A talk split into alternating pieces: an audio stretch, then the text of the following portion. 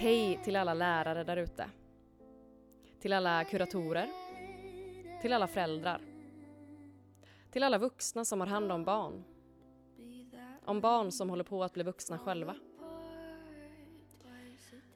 Ni kanske inte minns hur det är att vara i den åldern. Och det är okej. Men lyssna. Lyssna på vad de har att säga. Se hur de agerar, hur de mår. Se hur de är med och mot varandra. Sträck ut en hand. De är fortfarande bara barn. Barn som behöver bli hållna. De är för unga för att alltid behöva agera psykolog till varandra. Läs på mer om ätstörning. Gå en utbildning. Anordna ett seminarium. Vi alla måste ta vårt ansvar och vi alla måste höra varandras behov.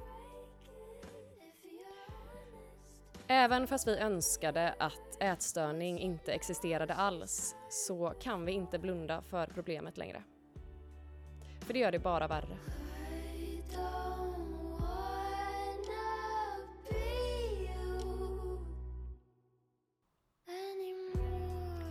Hej till alla er som är 16 år som ska börja gymnasiet nu. Livet är så mycket större än vad det många gånger verkar. Ni har så mycket kapacitet. Ni är så starka. Ni har så mycket livserfarenhet och ändå så har ni hela livet framför er. Ni är mina förebilder. Jag ser upp till er. Hej Ester och hej Julia. Tack för att ni påminner mig om att livet är så stort och så vackert. Ni får mig att öppna ögonen. Tack. Tack så jättemycket för att jag får prata med er. Tack för att ni är så öppna och transparenta. Tack för att ni är ärliga. På riktigt. Ni är mina förebilder. Fortsätt att vara precis de ni är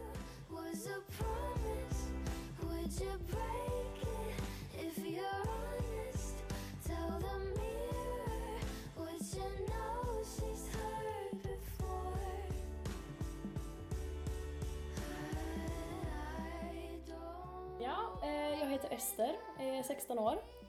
Eh, ja, ska börja gymnasiet till hösten. Mm, jag heter Julia, jag är också 16 år och eh, jag ska också till hösten. Och ni ska börja på samma? Exakt. Ja. Men ni, eh, ni hade bestämt er för att börja på olika klasser? Ja. Det tyckte jag var väldigt moget. Mm. ja, vi kände väl att eh, vi behöver en ny start båda två. Så det, Vill hamna i olika klasser för att så här, eh, inte leva på varandra kanske för att vi redan är så bra vänner. Ehm, ja. mm. Hur känns det att börja gymnasiet? Spännande, roligt att träffa nya människor. Ja, jag är så nervös. Alltså, ja, verkligen. Det, jag är nog inte alls nervös. nej, men så kände jag typ innan. Men nu, nu när det liksom är en månad kvar så känner jag så här, ah, jag kommer verkligen Ja. kanske inte känna någon i min klass. Och så här, jag Men- kommer liksom åka en timme till skolan. Ja. Alltså, Jag jag, vaknar en timme tidigare än vad Ja. jag också har gjort. Jag är mer nervös att, så här, eller det är nog alla, men att man hamnar i en klass där man inte passar in. Alltså Ja. där man känner så här: oj, här känner jag ingen. Men jag känner Ja. också så här. jag har typ inte hört en enda person som inte har tyckt om gy- gymnasiet. Eller så här, när de har börjat så att de har bara, alltså det kanske är de första veckorna som de har känt sig lite osäkra men sen typ älskar det. Så att, det känns bra. Vad har ni för förväntningar för gymnasiet? Ja, jag är, det är bra. jag tror det kommer bli kul. Ja. Alltså, jag, tror- jag tror det, det är ju det alla säger, att det är de bästa åren liksom, i ens liv. Typ. Mm. Eller ja, det väl på. Men eh, Jag tror det kommer bli riktigt roligt. Jag tror Mm. Polhem är en ganska rolig skola. Alltså, det är mycket studiemotivation men mer alltså så här, folk satsar på att ha det kul. Och det tycker jag, alltså, jag är verkligen för det. Kul. Ja, men, nej men om man jämför där vi gick innan grundskolan och Polhem, i alla fall vad jag har sett, nu vet inte jag om det kommer bli så, så känns det verkligen så här, alltså där vi gått innan så har det verkligen varit, alltså jag har aldrig varit med om att det kan vara tråkigare än nej, det, det känns som att det, det kan inte bli värre nu. Nej, så så det, att det jag bara bli väldigt, bättre. det är därför jag är så taggad för jag känner så här oavsett. oavsett. Oavsett om det blir alltså, en dålig klass eller någonting så är det så här. Det kan inte bli sämre i min klass som vi Så- hade i grundskolan. Nej, precis. För ni gick i samma klass nu? Nej. Nej, ni gick inte i Det är samma därför, jag tror det är därför vi vill gå i olika klasser. Ja, för vi tyckte det var liksom bra att vara Ja. så här. Ja. Sjuan, åttan, nian gick vi i parallell. På Nygårdsskolan. Mm, Det, det som är lite, eller det som är kul, jag gick också på Nygårdsskolan. Mm. Både mellanstadiet och högstadiet. Och det, så, det känns som att jag pratar, när jag pratar med er och sen när jag pratar med andra som är i er ålder, Ja. det känns som att jag pratar med, också med liksom, dåtiden. Ja. Och på ett sätt så, jag vill inte, alltså, det- var en jobbig period. Mm, Högstadiet, Mm. tror jag att det är för många. Mm. Eh, det är så jäkla mycket som händer. Mm. Eh, hur upplevde ni eh, högstadiet? Mellanstadiet var ju verkligen så här. Roligt. det var så kul. Det var så här, man, man var ju liten liksom, det var alla umgicks med varandra. Nej men alltså då var det verkligen så här, man började med sanning eller konka och så Ja. blev det så spännande. Man bara åh ja, killarna är med i våra Ja. lekar, wow. Ehm, sen så kom högstadiet, man trodde så här, wow nu är vi äldst på skolan, Ja. det här är så coolt. Det var inte alls kul. Nej, Alltså, det var verkligen så här- nej, men, ja, Mm. så här, alltså, särskilt typ mitten av högstadiet, åttan var en ganska mörk period Mm. liksom för eh, våra alltså, gäng liksom. Och, Det var då allting började bli, alltså så här, när man tänker tillbaka på åttan, ja. då var det verkligen så här, För det var så här, sjuan byggdes det liksom upp.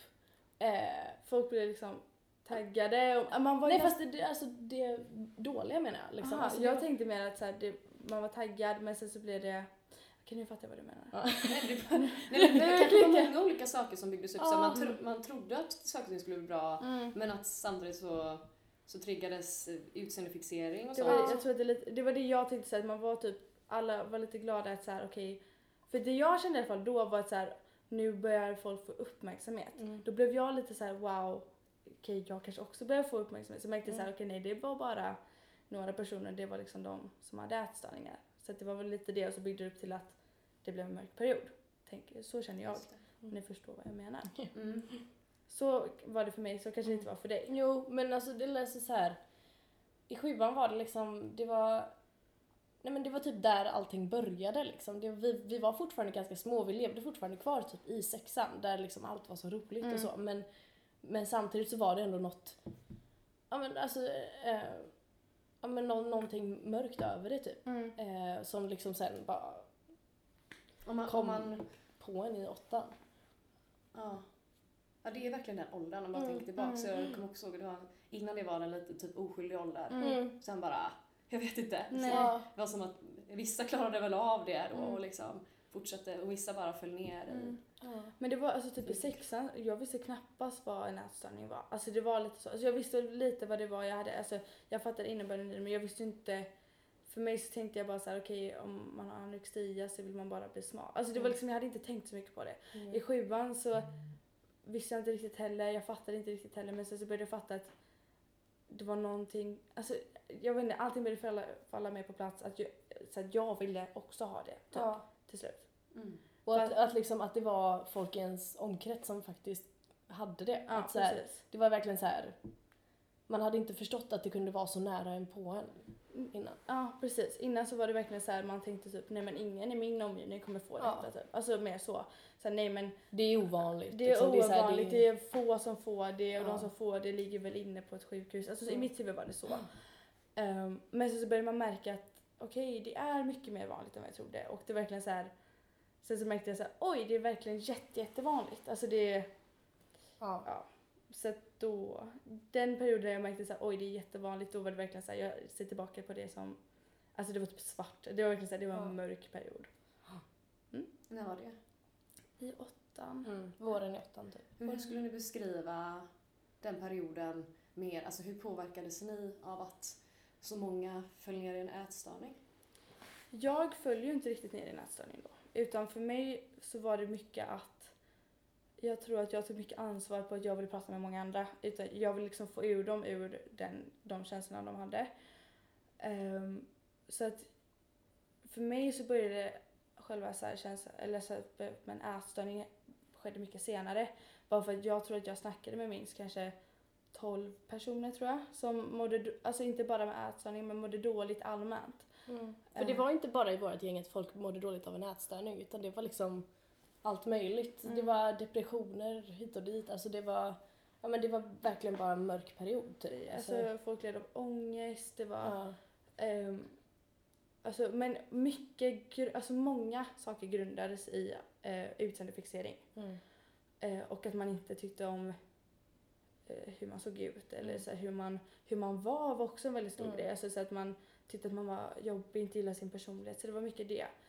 Ehm, så att...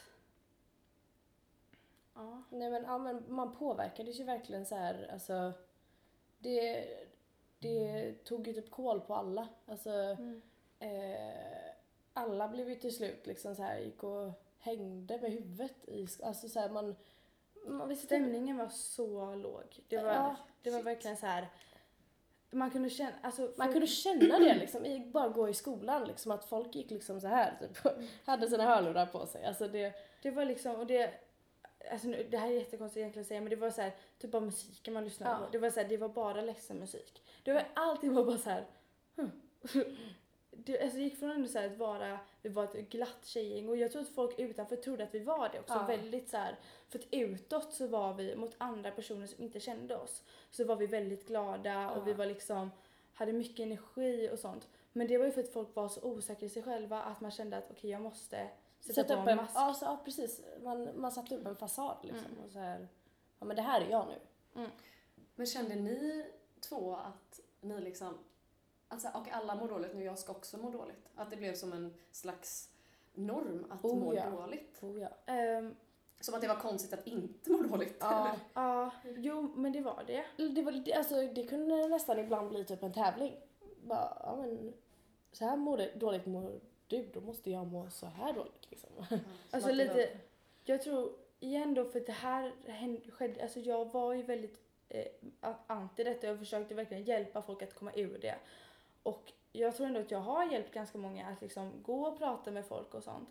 Men det jag kunde märka var ju verkligen att folk, det var ju så här att folk kände att de, alltså man var lite narcissistisk nästan, att man bara, jag mår sämre än dig. Så att när folk snackade så här, det var många som snackade så här att um, många snackade om sina problem med varandra. Alltså man satt och pratade om hur dåligt man bodde och liksom, då blev det till slut att man bara, Men man triggade ju bara varandra. Ja. Liksom så här, ja jag gör det här och liksom, jag mår så här dåligt och så här. Då blev det andra bara, okej då måste jag också göra det här. Liksom, då måste jag Vad också. kunde det vara? Alltså, alltså så här, folk som skar sig. ja precis. Det kunde vara folk som Kräktes. ja, spyr, Folk som, slutade äta. Ja, alltså alltså- det var verkligen så här, det kunde jag märka, sluta äta. Då var det verkligen så här, om nå typ i bamba, folk så, satt åt. mm. Och så kunde man se så här att om någon åt, alltså så här, man såg hur folk liksom trappade ner på maten för Mhm. att folk ville äta så lite som möjligt. Mm. Och det var verkligen så här, fast folk sa det som ett tvärtom, så här, nej jag äter mest. Mm. Fast de bara tog mest mat fast de åt minst. Alltså det, Mm. det blev liksom en tävling om Mm. att det skulle se så bra ut på Ja. ytan fast det var liksom, Det var ju verkligen en period i åttan och sjuan Mm. som ingen i min klass åt överhuvudtaget. Eh, det var så här hälften av klassen skippade bamba totalt och den andra hälften, alltså andra halvan satt i bamba men liksom åt ett salladsblad typ. Shit, fan jag ryser. Ja. För Mm. grejen, vi vet ju att det var, jag gör verkligen det. För Ja. eh, det väcker så mycket minnen för jag vet att när jag gick på Nygård och jag vet också att många andra, när man pratar tillbaks om sin så här, hur allting började så är det många som säger att det började med någon slags tävling i bamba. Mm. mm. Eller lunch, eh, Mm, på mm. lunchen i skolan att så här, vem åt minst? Ja. Och att det var nästan som att det var fint då. ja. Mm. Och jag minns att så här, när jag gick där, det var det kanske några stycken alltså så här, som höll på så. Men, men nu låter det som att det var majoritet. Ja. ja men det är Och därför så. känner jag så här, gud, jag var så här, åh, eh, att det går ner, ja, det känns verkligen som att det går neråt Ja. i åldrarna, att det blir Mm. vanligare och vanligare. Eh, ja. Men det, det som jag tyckte nog var värst var att inte någon lärare ingripte. Eller ingrep, vad säger man? Ja, Ingrep. ingrep. ingrep. eh, för eh, jag vet att jag och eh, flera i min klass i alla fall, jag tror du också gjorde alltså Mm. vi hade ju så här eh, typ i svenskan och så att man skulle skriva en krönika eller en eh, alltså ha ett sommarprat eller vad som helst liksom och så fick man välja ett ämne själv och liksom bara ja. Och det var ja, men, Varenda person skrev om ätstörning. skönhetsideal, Ja. novell, alltså noveller skrev liksom eh, och berättade egentligen hur, hur det såg ut i vår klass. Eh, Och, men det var liksom ingen lärare, alltså så här, hur man inte kan säga att varenda eh, jag vet inte om killar, jag, nu känner, jag känner inte så många killar på den Mm. skolan så jag vet inte om killarna men jag, varenda tjej mm, som jag vet eh, typ skrev om det här. skrev om detta. Och det var ingen lärare som gjorde någonting. Och det, Eh. det är så konstigt att det verkligen så här, Jag vet att jag skrev i en krönika så här. Eh, det hjälper inte, jag vet inte, jag skrev, det hjälper inte med att alla typ säger ah, var nöjd med dig själv utan eh, man måste göra något åt det och skolor måste ingripa, eh, ta tag i det och prata om det liksom. det var liksom Eh, jag skrev liksom den meningen. Och det var liksom ingen kommentar om det sen utan kommentaren hon skrev på det dokumentet var liksom ah, personligt skrivet. Liksom. Jag, och jag bara så här, Oh my god. ja det, det är så bara så sorgligt. sjukt. För det känns som ett sån här, det känns ju lite som ett rop på hjälp. Att Mm. så, här, Ja. så här är det. Och, en, och så kanske man också är lite rädd för att outa det för att det är kanske är hemligt och Mm. så. Och så, kan, så tar du steget och skriver det. Många tar steget och skriver, Mm. skriver och, och får ingen respons av Nej. vuxenvärlden. Känner man sig inte lite sviken? Verkligen. Men det är speciellt när Ja. jag liksom hade gjort, jag hade gjort nog tre sådana här arbeten om just det här. För att liksom, men outa det till min lärare bara, kan du göra någonting? För det, så här ser det ut liksom.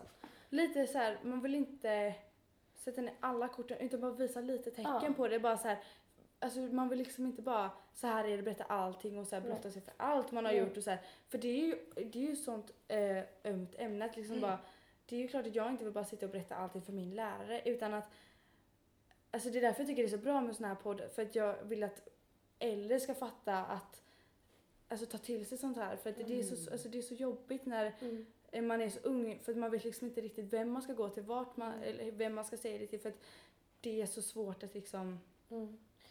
Jag vet Ja. att så här, vi har ju, jag kommer ihåg det, vi hade ju en gång typ i sjuan, åttan så Mm. hade vi ju biologi då det handlade om ätstörningar tror jag. Någon gång. Mm, det tror Eh, inte jag att jag hade. Eh, jag vet att det var i boken i alla fall. Eh, men det var så här, ja men det var typ, man skulle läsa igenom det själv. Jo. Det var eh, en gång. Det var så här, alltså, Som Då- att det inte är något problem. Ja. som att läsa om liksom. sen har vi aldrig Planeten. någonsin pratat om det igen. Alltså ä- ätstörning, aldrig någonsin. Men alltså jag, jag tycker det är så konstigt för det är verkligen så här. Det är, inte, det är så konstigt att vi måste ta tag i så himla Mm. mycket.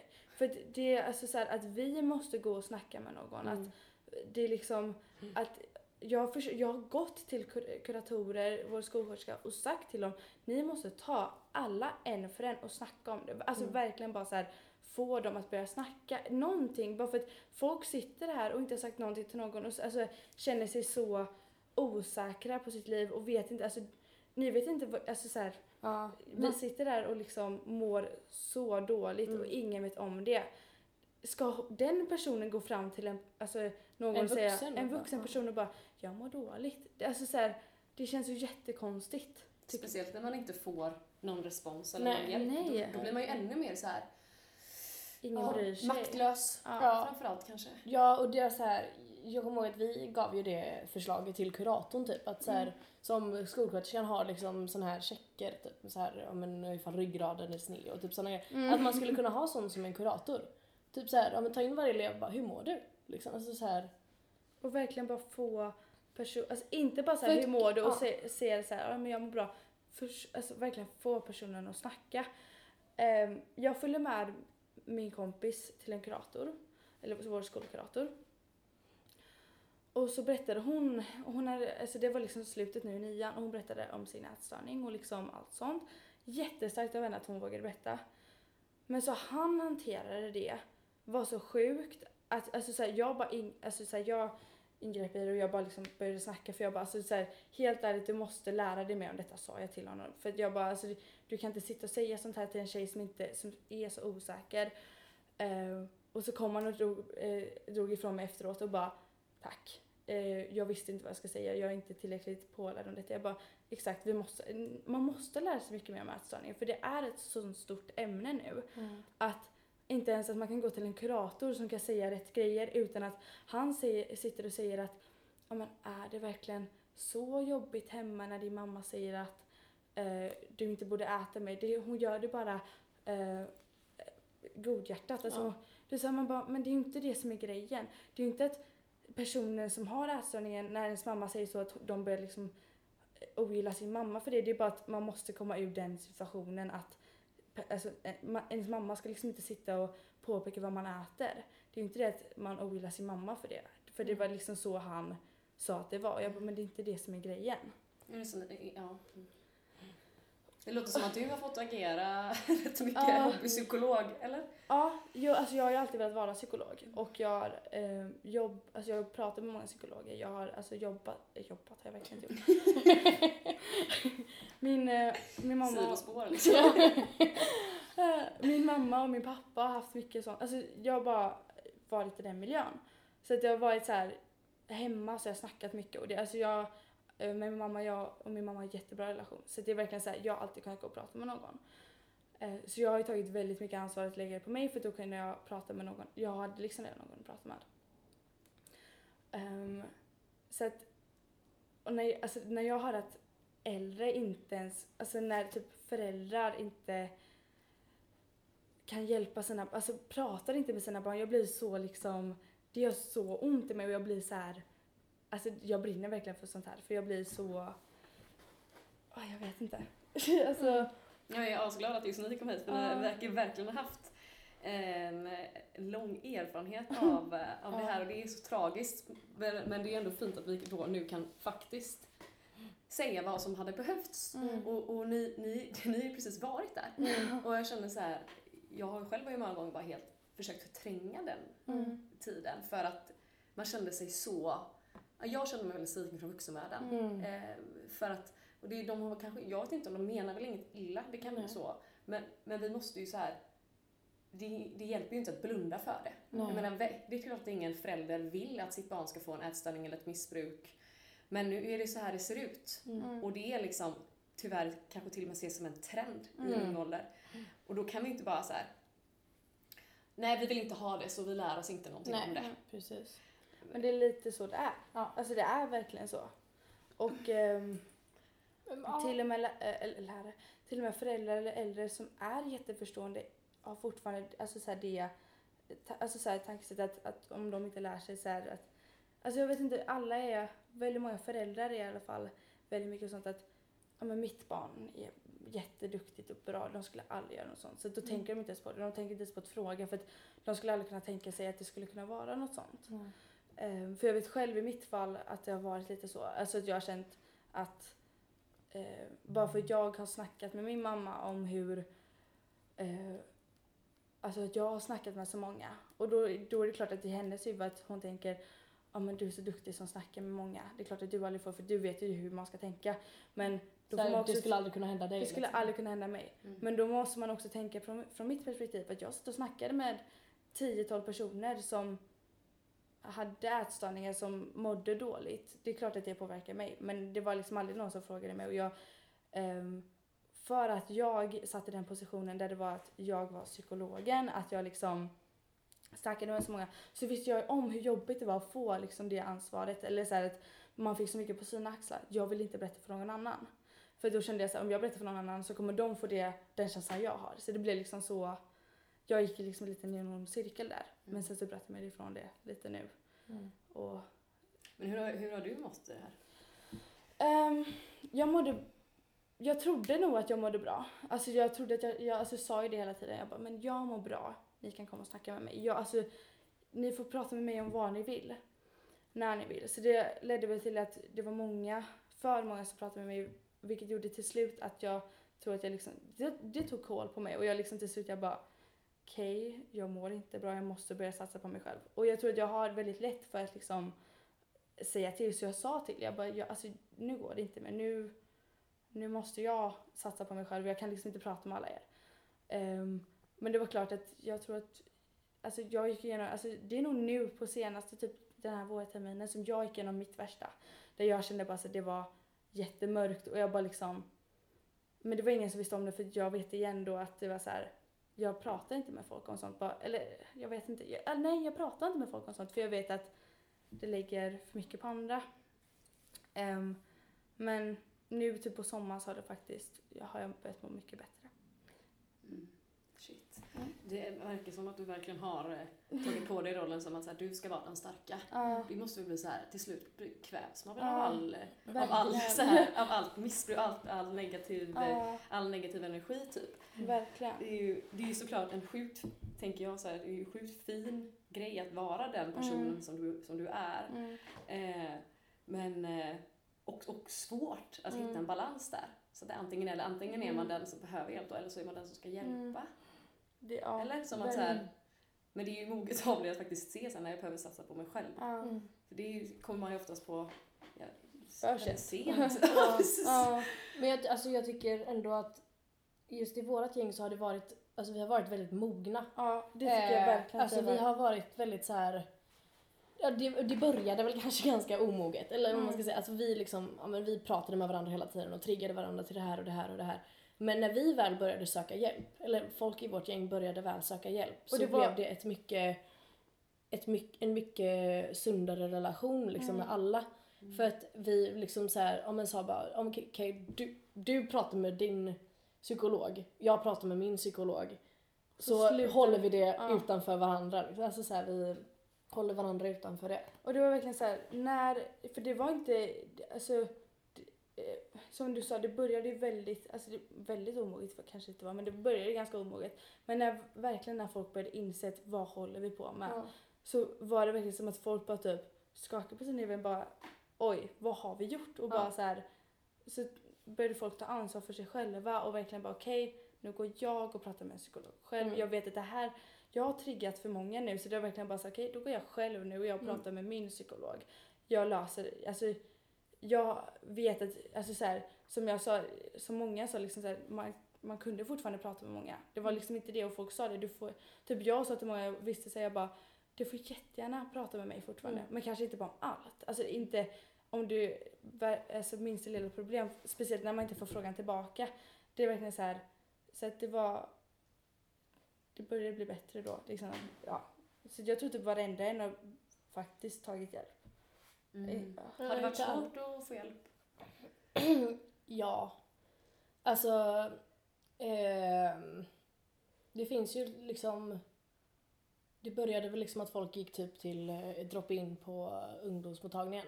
Eh, där är det ganska lätt att komma in liksom. Eh, men att sen komma vidare kan vara svårare om det inte är så att det är akut. Eh, typ. Ja men vi hade liksom en kompis som blev akut inlagd på BUP.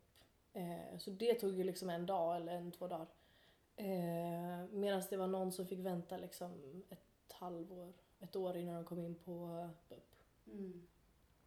Har, ni, har ni känt att det är svårt att få liksom så här, vi pratade lite om förut här att ja, man går till en kurator men kuratorn säger fel saker. Ja. Eh, har ni upplevt att det har varit så svårt att ja, men få hjälp, eh, veta var man ska vända sig? Ja. Ja, alltså.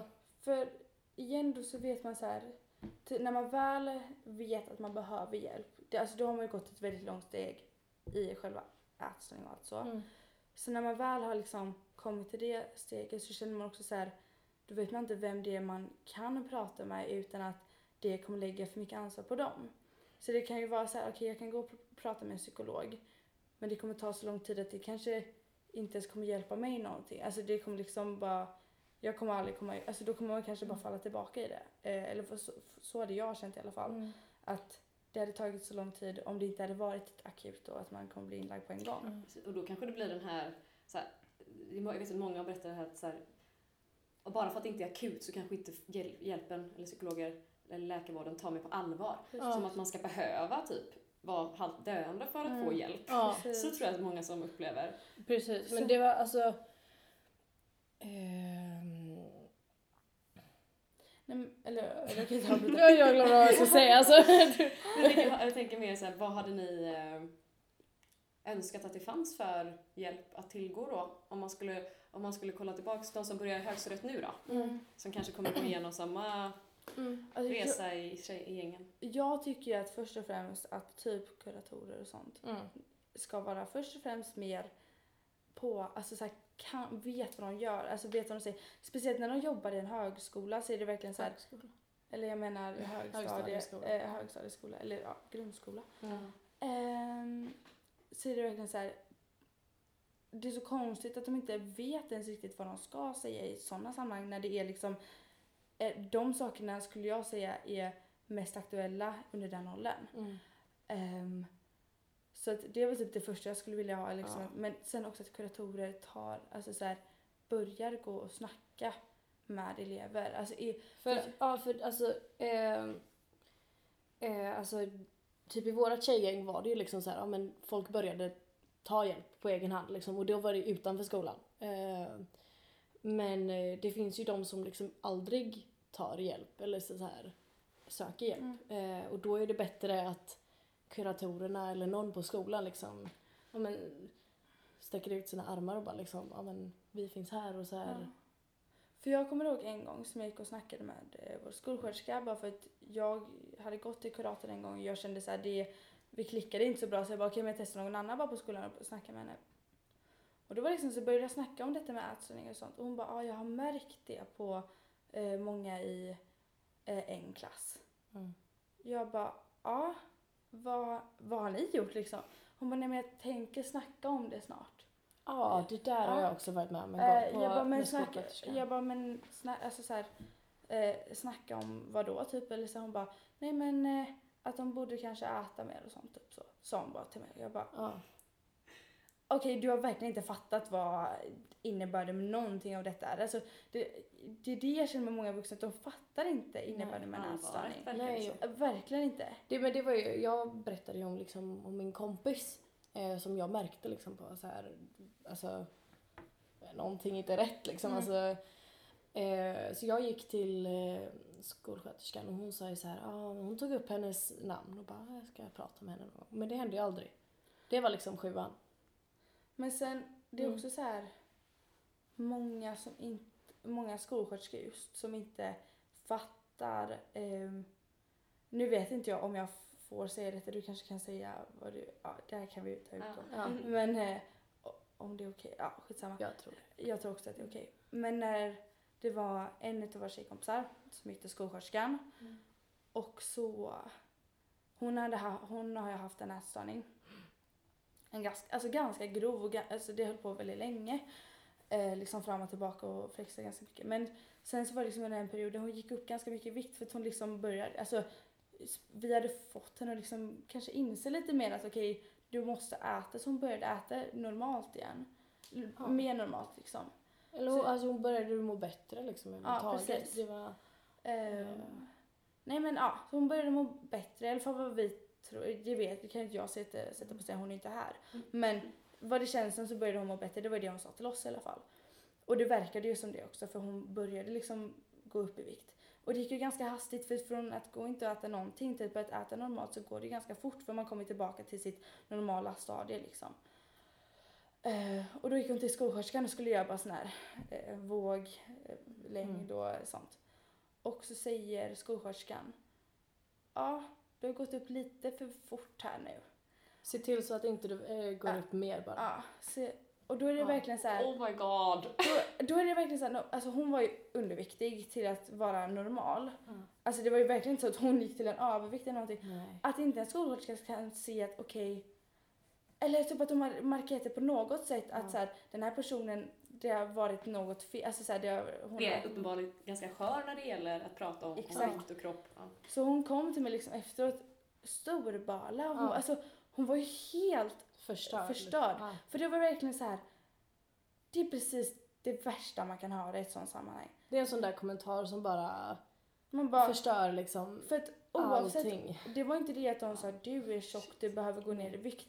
Verkligen inte. Det var ju, men det är bara så här, det är precis det man hör. Man hör så här, oj, de säger att nu är jag o, alltså inte i mitt normala stadie, jag Ja. måste gå ner i vikt.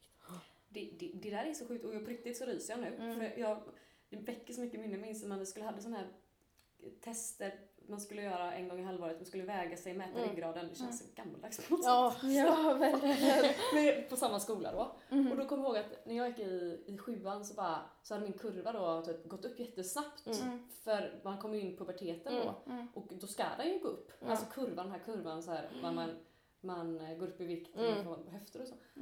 Mm. Och då sa skolsköterskan någonting om att ah, som du ser här, vänder på datorn, så här, stor PC. Som du ser här så har den, kurvan gått upp väldigt mycket här. Och den ska egentligen gå upp li- lite mindre.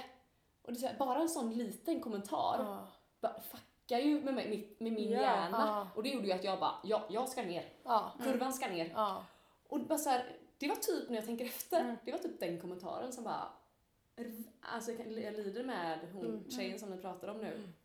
Hur, hur, hur tog hon det sen då? Alltså helt ärligt så tror jag, det är klart att Ja. jag tog nog hårt på henne, alltså jättehårt. Men vi har ju haft sån koll på, alltså vi har, fortfarande nu så sitter jag fortfarande och tänker på det, alltså när, om hon äter någonting. Mm. För mig så är det ganska viktigt att jag inte heller vill vara för liksom på det. Att jag, så ät liksom. Ät, för, för, för mig i alla fall, om jag hade varit i den situationen så hade det bara triggat mig mer om någon Mm. säger ät, ät, ät, Mm. ät, ät. För då hade jag blivit så här mer bara, nej jag ska inte äta. Ja. Alltså, Men det är ju mer kanske att liksom, ifall jag ser att hon inte äter, då äter jag mer. För då märker jag liksom att hon, då äter hon också mer.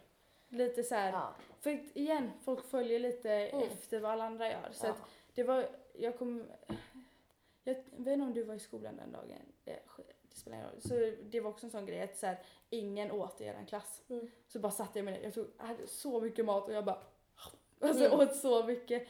Men det gjorde ändå, jag kunde ändå märka att folk bara jag vill också äta nu. Mm. Så det var ändå så att folk gick och tog mat eller åt den maten de hade på tallriken. Så lite det, alltså, men det är också jobbigt för en person i samma ålder att Mm. göra det. För det är också så här, när jag sitter och äter så får jag sån ångest för jag blir så här. Jag vill inte, jag vill, jag, nu kommer jag bli jättetjock och så Ja. kommer de här bli jättesmala och så kommer jag, alltså för det är ju sånt som går i mitt huvud men samtidigt som jag, samtidigt som jag bara säger nej, nu gör jag det, alltså nu gör jag rätt, det här är så man ska göra, det, alltså jag äter som så som jag ska göra så då bara fortsätter jag. Alltså, Ja. Fan vad imponerad jag blir över er. Eller jag bara, det är ärligt talat, jag, Ja. jag bara tänker, bara tänker på hur man själv hade varit i den åldern. mm, Jag, jag, jag hade nog inte varit, jag kunde inte vara så Nej. i stark. mm, Jag blev så här, följd på det här, det är nu trendigt att inte äta. mm, Det är så sjukt starkt att stå emot det. mm, Det är helt, alltså de människorna var så sköna att umgås med. mm, Det var ju inte så att man mådde bra av att umgås med de som inte åt. Nej. Man blev ju triggad. Ja. mm, Så alltså de som har haft er som vänner är ju verkligen lyckligt lottade. mhm. Jag hade verkligen behövt ha det i den. Nej men jag, alltså jag tror att vi har väl kommit till insikt ganska fort Mm. om hur allting ser ut. Och vi, eller vi, var alltså vi såg väl egentligen det från början också. Mm. Vi, men vi tog tag i det på något sätt. Vi hjälpte väl varandra tror jag Mm. också allihopa. Och liksom, eh, även om de flesta kanske inte är ur sitt beteende än så är det så här vi har ändå förstått liksom hur det ser ut och eh, hur vi borde bete oss bland varandra. Liksom. Ja men hur man ska liksom gö- göra så att ingen annan mår sämre. Alltså det är så här, Ja, hur man hanterar det överhuvudtaget. ehm, för det är klart liksom, det är inte, alltså en ätstörning är inte bara någonting som bara försvinner heller. För det, sen så, själv så tycker jag det är en dum sak att säga att en ätstörning följer med hela livet för då känner man också så här om man in, alltså det enda man gör då är att jag intalar en person att du kommer aldrig komma ur det. Mm. Du kommer alltid ha en ätstörning. Tyvärr, så är det. Det tycker jag bara är en väldigt dum tankeställning. Alltså, så här, det, det, är det enda du gör då är liksom att du inmatar dig själv att du aldrig kommer komma ur en ätstörning. Du kommer, allt, du kommer liksom alltid må dåligt och tycka att du är äcklig och ful och Mm. alla de tankarna runt omkring det. Men det är klart att en ätstörning, alltså det enda jag kan säga är det är inte lätt att komma ur en ätstörning. Nej. För att det är alltså tankarna, tankar är inte bara någonting som bara på försvinner och det är liksom, men Nej. det är klart att man kan komma ur en ätstörning. Och det är liksom, det är någonting jag verkligen vill uppmärksamma. För jag, det var också en sån sak den kuratorn sa. Att, ja, sa till den här tjejen, man kommer inte ur en ätstörning. Och då blev jag så arg för jag blev så här, du kan inte säga det. Det, enda du, alltså, det, det är klart att du kan komma ur det om du vill jättegärna komma ur det. För att igen, det är tankar, du kan ändra dina tankar. Du kan ändra ditt beteende. Det är liksom, ehm, det är en rutin du har att du liksom inte gör det men du kan ändra rutiner, du kan ändra ditt beteende. Men det är ju en sjukdom, det är ju liksom, men du kan fortfarande bota det. Det är i alla fall så jag tycker att man ska se det. Tycker jag är he- helt rätt. Mm. Och, och det är så här, det är, om man vet vilket helvete det är Mm. så vill man ju inte höra bara, du kommer aldrig komma ur det. Det är ju som att Nej. så här, du kommer leva ditt liv i ett fängelse hela Ja, livet. Det, så, det vill man ju inte höra. Eh, och har man haft ätstörning och har en ätstörning så och vill komma ur det så kommer man kanske alltid behöva vara observant på att inte så här, jag kanske inte ska banta. Det Nej, kanske inte jag kan liksom. precis. Eh, så på så sätt kanske man får vara liksom observant. Mm. Men det är inte så att man, man ska intala folk om att nej, du kommer alltid ligga och vara missnöjd med din kropp. Mm. Ja. Det kan jag ju själv bara helt skriva under på att så är det inte. Nej. Eh, så att, att säga det när man inte vet till någon som Mm. mår dåligt, ja, jag håller ju med dig, det är ju helt, Mm. det är helt befängt. Ja. Men alltså, Alltså, ehm, kunskapen är ju... ja. Det är så svårt, det, alltså, det är också så himla, jag kan också förstå typ kuratorer och sånt. Som, det, det är svårt att sätta sig in i en sån situation när man aldrig har varit med om det innan. Man vet inte vilket helvete det är och man förstår inte för det enda jag tror, jag tror att många bara tänker så här, om det enda du vill är ju bara att du vill bara bli lite smal, alltså, eller något sånt. Men, men det är inte bara det som ligger bakom det, det var inte där det startade. Alltså så här, så det är så mycket okunskap det ligger bakom det, tycker jag. Eller så här, alltså, Mm mm, Men det här, tror ni att, ehm, eh, att, eh, att allvaret kring och runt en ätstörning, i, den kunskapen kring allvaret inte finns i en ung ålder? Att man inte vet hur, hur allvarligt det kan vara, att det Mm. istället glorifieras? Mm. mm, Absolut. Eh, att så här... Ja men det... Det visas ju liksom på sociala medier som att man ska, som att man ska ha det. Som att man ska ha en ätstörning för att Mm. bli som en av dem. Och att så här... eh, Ja men... Ja det, det är liksom det som får en att bli... Bli liksom... Ja men bli så där smal eller så snygg eller få så mycket status eller få så mycket pengar, så som liksom influencerna visar att de är. mm, Eh, och det, det gör ju att man tänker liksom, ja, men då, då behöver jag också ha en ätstörning för att bli som en av dem. mm. Nej men alltså, det är så, alltså, så sjukt vad en, alltså så här, ordet influencer har blivit, alltså så här, just Mm. innebörden bland det har blivit. Alltså det är verkligen så här, just nu i vårt samhälle känns det mer som att en influencer, alltså så jag kopplar en influencer, är en person, alltså helt ärligt då som typ har en ätstörning, som har pengar och status. Alltså det det, är, alltså, eller det behöver inte vara en ätstörning, det kan vara bara att en eh, riktigt smal person som Ja. har sagt att hon, som har gått ut med att "Ja, jag var onöjd med min kropp. Men nu är jag nöjd med min kropp. Då är det verkligen så här, okej. Du och jag. Alltså så här, Det är den vägen man ska gå då, Ja. är det så man tänker? precis. Mm. Ehm, och alltså, det är verkligen som, alltså, Nej men de, de berättar ju inte de, de här eh, riktigt eh, vidriga delarna av en ätstörning utan de berättar liksom jag åt inte och That's it. ja precis. Så och, men ni ska äta? ja, ni Ja. ska äta liksom. Det är, Så här, okej, det är lite dum förklaring kan Ja. jag tycka till då unga. Att så här, jag äter inte Mm. och jag festar och har ett jätte, jättelyxigt liv. ja. Och jag har aldrig fått någon hjälp liksom. Nej precis, och jag tänker inte ta hjälp heller. Nej. Men, men ni ska såklart ta hjälp och ni ska Ja. såklart äta. Mm. Men jag får göra som jag vill Mm. och samtidigt leva i lyx. Mm. Mm. Jag vet inte. Men, det, Nej, men det jag är får den bilden så, av... Ja men det är, det är så sjukt. Ja. Och det är så sjukt att liksom, nej men att del, alltså de personerna blir kallade influencers. Alltså att de influerar folk. Att det är liksom de personerna som influerar oss. Det är de vi ska se upp till, det är de vi ska bli som. För att det är liksom, influencers har ju blivit det vi kallar idag för förebilder också. Alltså det är Mm. liksom, ehm, alltså det är så folk ser, alltså så här, när man, när man ser folk som följer jättemånga influencers på Instagram, det är verkligen så här, för de ser ju det deras förebilder, det är verkligen de man ser upp till. Det är inte ehm, någon, eh, eh, alltså person som gjort något jätteviktigt på den här jorden. Det är liksom en person som har mycket pengar, är skitsnygg, är smal och har en skitsnygg pojkvän, lever alltså lyxlife, Festar och festar, reser och... eh, har de bästa Alltså, kontakterna. Alltså det är ja. verkligen så här, de, de ser vi liksom upp till. Det är våra förebilder. Ja, det är de vi ska försöka bli som och det är ju omöjligt. Alltså, det är eller nästintill omöjligt. Ja, det är såklart inte Men det är omöjligt liksom, att det finns men det, man, ingen fattar hur modifierar, modifierat det är. Det är liksom en bild de har tagit. Alltså, ingen vet vad det är. Man, I sitt huvud man bara åh de är på Bahamas, de är, har det asnice. Men alltså, det- är liksom, jag vet Den här inte. sidan av att de kanske åker dit bara för att ta bilder och inte Precis. ens Mm. lever typ. Ja. Nej. Det, det visar de ju inte utan de bara, Nej, jag nej. vet inte, jag, jag har ju personligen så här tagit avstånd och inte ens följer sådana människor Ja, för att nej, jag, inte nej men jag, jag får ju bara så här, jag blir ju, jätte, jag blir ju arg för, Ja. jag, för jag vet att, jag vet ju då att, att människor eh, får höra att så här, ni ska ha de här som förebilder. Mm, Eh, och jag blir irriterad för att jag vet vilken dålig influens det hade varit om jag var typ 10 år. Mm. Så jag hade, Mm. jag hade ju verkligen följt det och bara, för då var man så osäker. Mm. Eh, och om jag då ser att så här ska det vara när man är 25, det är ju en helt skev bild av hur verkligheten ser ut.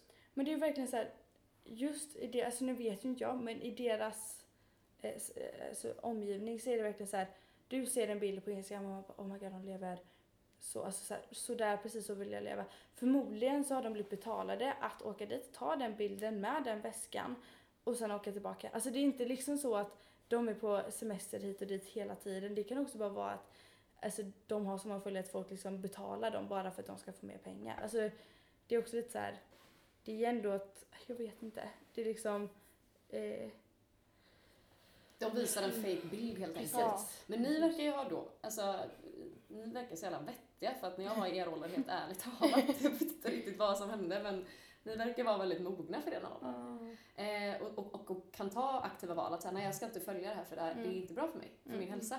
Men jag tänker bara att som många i era tjejgäng eller runt omkring er kanske tror på att, man, att det är normen att leva så. Mm. Eh, och inte kan då ta de här aktiva valen att sluta följa för att Mm. man ska följa det. Mm. Vad tror ni är risken med att de här så kallade influencerna är kallade förebilder?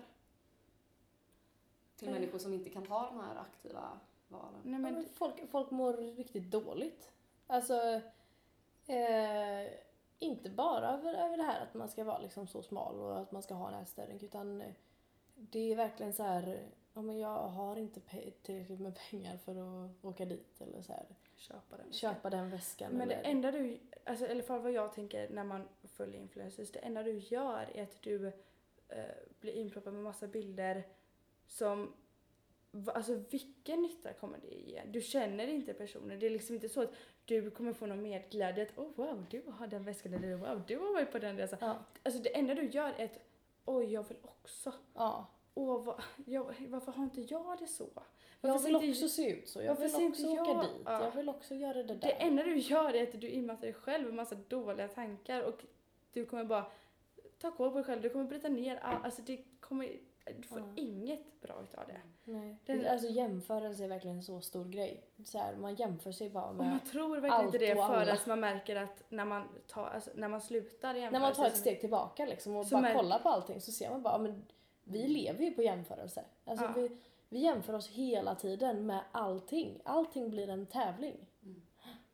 Och det, är alltså, det är väl alltså, det viktigaste av allting varför man måste eh, sluta följa alla, eller så här, jag fattar, det är ju liksom någonting med att man följer influencers, det finns ju en annan, alltså men folk som vet att de inte kan ta det eller så här känner att Alltså jag har egentligen inte fattat, fattat alls varför man gör det för att det är liksom varför. Det, ja okej du kanske får lite inspiration för att liksom ja den där snygga väskan kan jag också köpa man kanske har så mycket pengar för att köpa den. Eller så här, man kan sätta nya mål men om man vet att man inte kan ta det på ett bra sätt och man kan liksom inte se att, alltså man kan inte, man bara tar dålig energi från det. Så här, varför följer man det? Alltså det, ehm, Nej men jag har nog inte riktigt förstått mig på egentligen grejen med att man följer influencers. Jag gjorde ju det.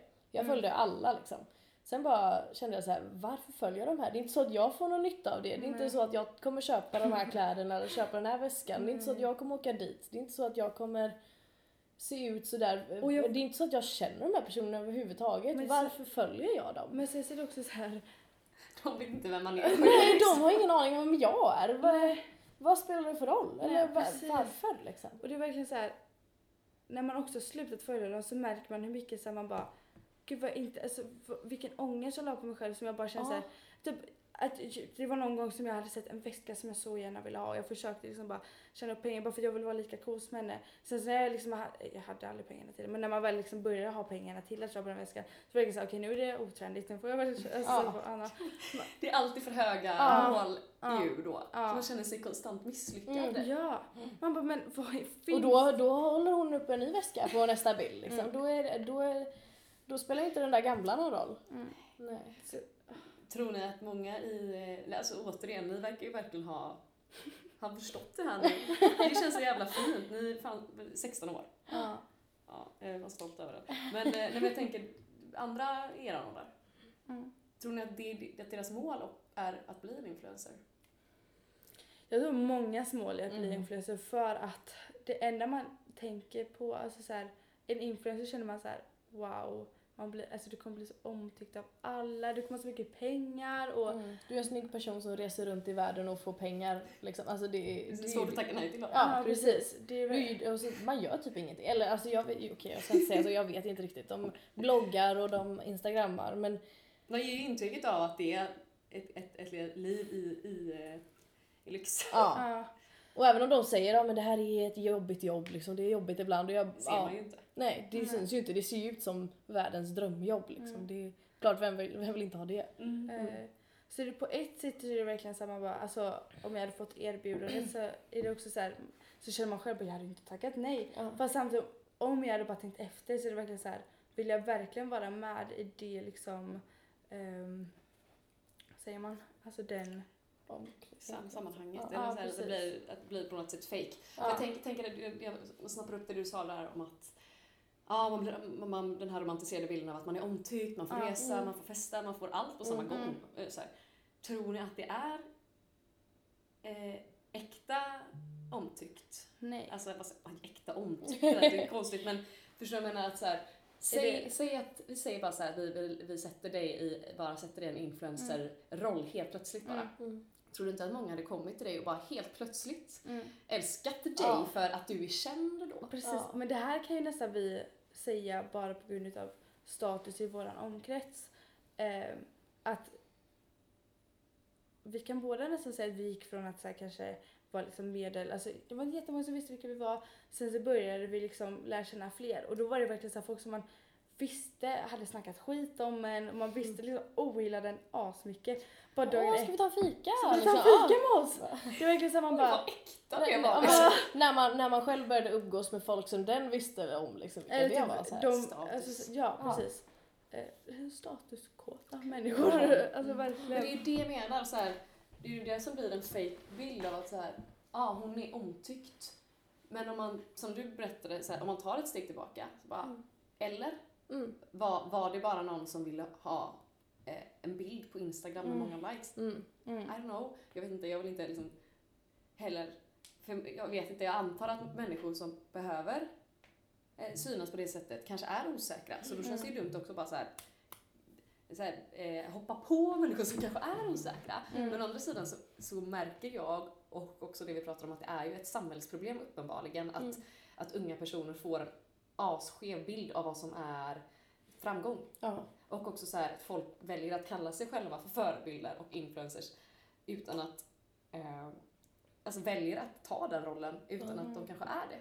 Mm. Eller så här, jag pratade med en kompis om det igår att förebild kanske man blir om någon annan säger alltså att du är min förebild. Mm. Inte så här, hej jag är er förebild. Det är det jag känner med många influencers. blir lite, så här, det Ja. blir lite narcissistiskt Ja. Varför, varför tar du en roll som du inte har fått? ja, Ja. För verkligen. det är verkligen så jag skulle säga influencers är. Att det är liksom att de sätter sig själva som min förebild. Alltså de, Mm. de gör att jag ska känna att det är så här jag vill leva. Mm. För det, alltså det, är- ja, det är verkligen så. Det, alltså de, Ja. de... Ja men det är det som jag, för jag har hört det några gånger så här att eh, av så kallade influencers då. Mm. Eh, och de har ju valt att vara offentliga så att Mm. då måste man ju ändå kunna kommentera det också på ett sätt. Ja, ja. Men då, då, då så här, har jag hört på det många gånger såhär, ah, hej, jag är, jag är en förebild och jag vill vara en förebild och många föräldrar tycker att jag är en förebild till deras barn och så här, får ta den rollen. Mm. Men medans, medans nu när jag har pratat med många som kanske har påverkats väldigt negativt av den Mm. här fejka bilden av vad verkligheten är. De har aldrig sagt att de personerna är förebild utan de, de bara följer kanske de här kontona för att alla andra gör det och vi är Mm. ett flockdjur så uppenbarligen kanske man gör det bara för att. Mm, så här, man måste precis. aktivt, som du sa förut, man måste aktivt ta ett steg tillbaks i eran ålder för att faktiskt se saker och ting mer Mm. klart och bara Mm. oj, vi jämför oss bara. Eh, och det kan vara svårt tänker jag i eran ålder att så här, jag måste aktivt gå in och sluta följa det här. Mm. Just också för att eh, ja, men det dyker upp ju. Vi vet ju hur Instagram fungerar. Mm. Om någon annan har likat någonting som man känner så kanske det dyker upp i Mm. ert flöde. Mm. Det är svårt att ta aktiva val. Mm. Mm. Och då blir det så det blir så befängt när också människor som till exempel inte mår bra, som också går ut med att säga hej jag har en ätstörning, jag mår inte bra, Mm. tar rollen som en förebild. Mm. Jag vet inte, Oj. det blir, eller så här, hej jag är Ja. osäker, jag mår jättedåligt, jag har problem hemma, lalla. Ja. Men jag är er förebild. ja, Mm. verkligen. Jag vet inte, det blir, det blir så här, vi som också vet hur det är att må dåligt i så fall ska Mm. verkligen inte gå ut med så här, jag vill vara er förebild. Nej. Jag vet inte, jag bara, jag får så här, eh, jag- jag vill inte Mm. att de personerna ska vara frontfigurer för en ätstörning. För det blir ju som att så hej, jag lever ett liv i lyx och jag ätstörning. Ja, nu babblar jag på här men Ja, men det, nej, är, det är det, det är ju ett ämne som egentligen jag och mina kompisar kanske inte ens har velat eh, prata om eller röra för att det, det är så...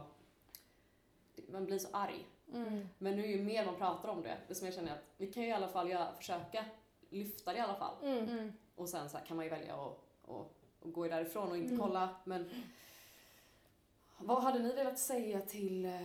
Har ni någonting som ni vill säga till typ människor som kanske ger en fake bild av vad verkligheten är eller vad från eran, er, eran ålder? Lär er vad som triggar folk. Alltså Ja. förstå vad det ni skriver och alltså Vad det är för kon- konsekvenser. Ja. Ehm, för tänk på att det inte är liksom... Det det är flera hundratusen människor som följer er. Det är Mm. liksom, det är inte... Och det är förmodligen unga personer som bara kommer ta efter vad ni säger och gör. Mm. Så bara, bara för att ni säger att jag har haft en ätstörning ehm, eller säger liksom eh, vad, alltså så här, det är någonting som inte pågår just nu. Men det enda alla andra kommer se är så här, okej ni har haft en ätstörning. Det Mm. vill jag också, de kommer inte se, de, man kommer inte ens läsa det andra ni har skrivit. Att Mm. ni har skrivit åh det var så dåligt, det var en sån hemsk period och Mm. Jag har mått så dåligt av det men nu har jag mått bättre nu när jag har kommit ur det. Nej det enda folk kommer se är så här, okej du har haft en ätstörning, du har mått dåligt, då måste jag ta efter det. För att Vägen till framgång. Ja. Exakt. Du är, det enda du gör, alltså du ska influera mig. Du, alltså så här, man tänker så här, okay, men detta är bra inflytande för att ni har ju det skitbra nu. Mm. Eh, så att då betyder det att ni har gjort någonting rätt. Ja. Jag tycker det också det är väldigt mycket, det är mycket fokus på vad det var som var jobbigt och det är mycket fokus på hur det var att vara- ha en ätstörning. Det är mycket fokus liksom på så här, eh, eller inte, inte det här liksom, "Ja, jag fick magsår, inte de grejerna utan liksom, ja, men jag åt inte under fyra dagar och så här, jag åt eh, eller jag drack grönt te för att det, är så här, det har inga kalorier typ. Det är, så här, det är ju bara tips. Ja. Eh, lägg istället mer fokus på hur blir man frisk. Eh, och liksom den vägen. Eh, för det är det som faktiskt kan hjälpa folk. Mm. Ja. Man säger, alltså åh, att man, de tar inte ens upp det Nej. dåliga i det utan de säger jag mådde dåligt så att jag åt ingenting. Mm. Okej men vad händer när man inte äter? Ja. Det berättar de ju inte. Alltså Nej. så här, och sen så bara, och så berättar ja men nu är jag frisk. Ja. Okej men hur blir du frisk? Ja nej men jag bara började äta igen. Ja, jag började bara äta igen. Ja, jag, Alltså, det är eller jag gick ner i vikt jag blev ju så smal så att när jag började äta normalt igen så gick jag inte upp så mycket mer. Ja, så då är jag skitsnygg och skitsmal och kan stå på stranden och posera liksom. Alltså Mm. det är typ Då lite kan jag så på mig som det ser vilka ut. kläder som helst. Ja. Och är skitsnygg. Och jag får sponsorer från varenda företag för att jag är så snygg. Ja, bra. Det blir, det blir dubbelt. Och Ja. också återigen kan jag tycka att det blir den här att man, man, man jag tycker att man dumförklarar andra personer då genom att så här, tro att de tror på en. Mm. Eller så här, att så här, det är ju uppenbart att personen inte är frisk. Mm. Om man behöver ens posera så eller om Mm. man eh, säger, eh, om man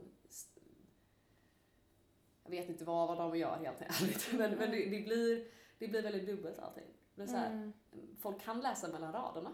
Och om man inte typ har kunskap om det eller om man inte vill bli frisk i alla fall, det är väl tycker jag ett kriterium att man ska prata om det, Mm. då, då vet inte jag om man ska gå ut med tips. Typ så här, Mm. om någon som la upp en, en bild på Instagram som någon skickade till mig så här. Köpte lite pasta eh, men gav självklart bort den till en hemlös person sen. Hihi, typ. Mm. Jag vet inte så här.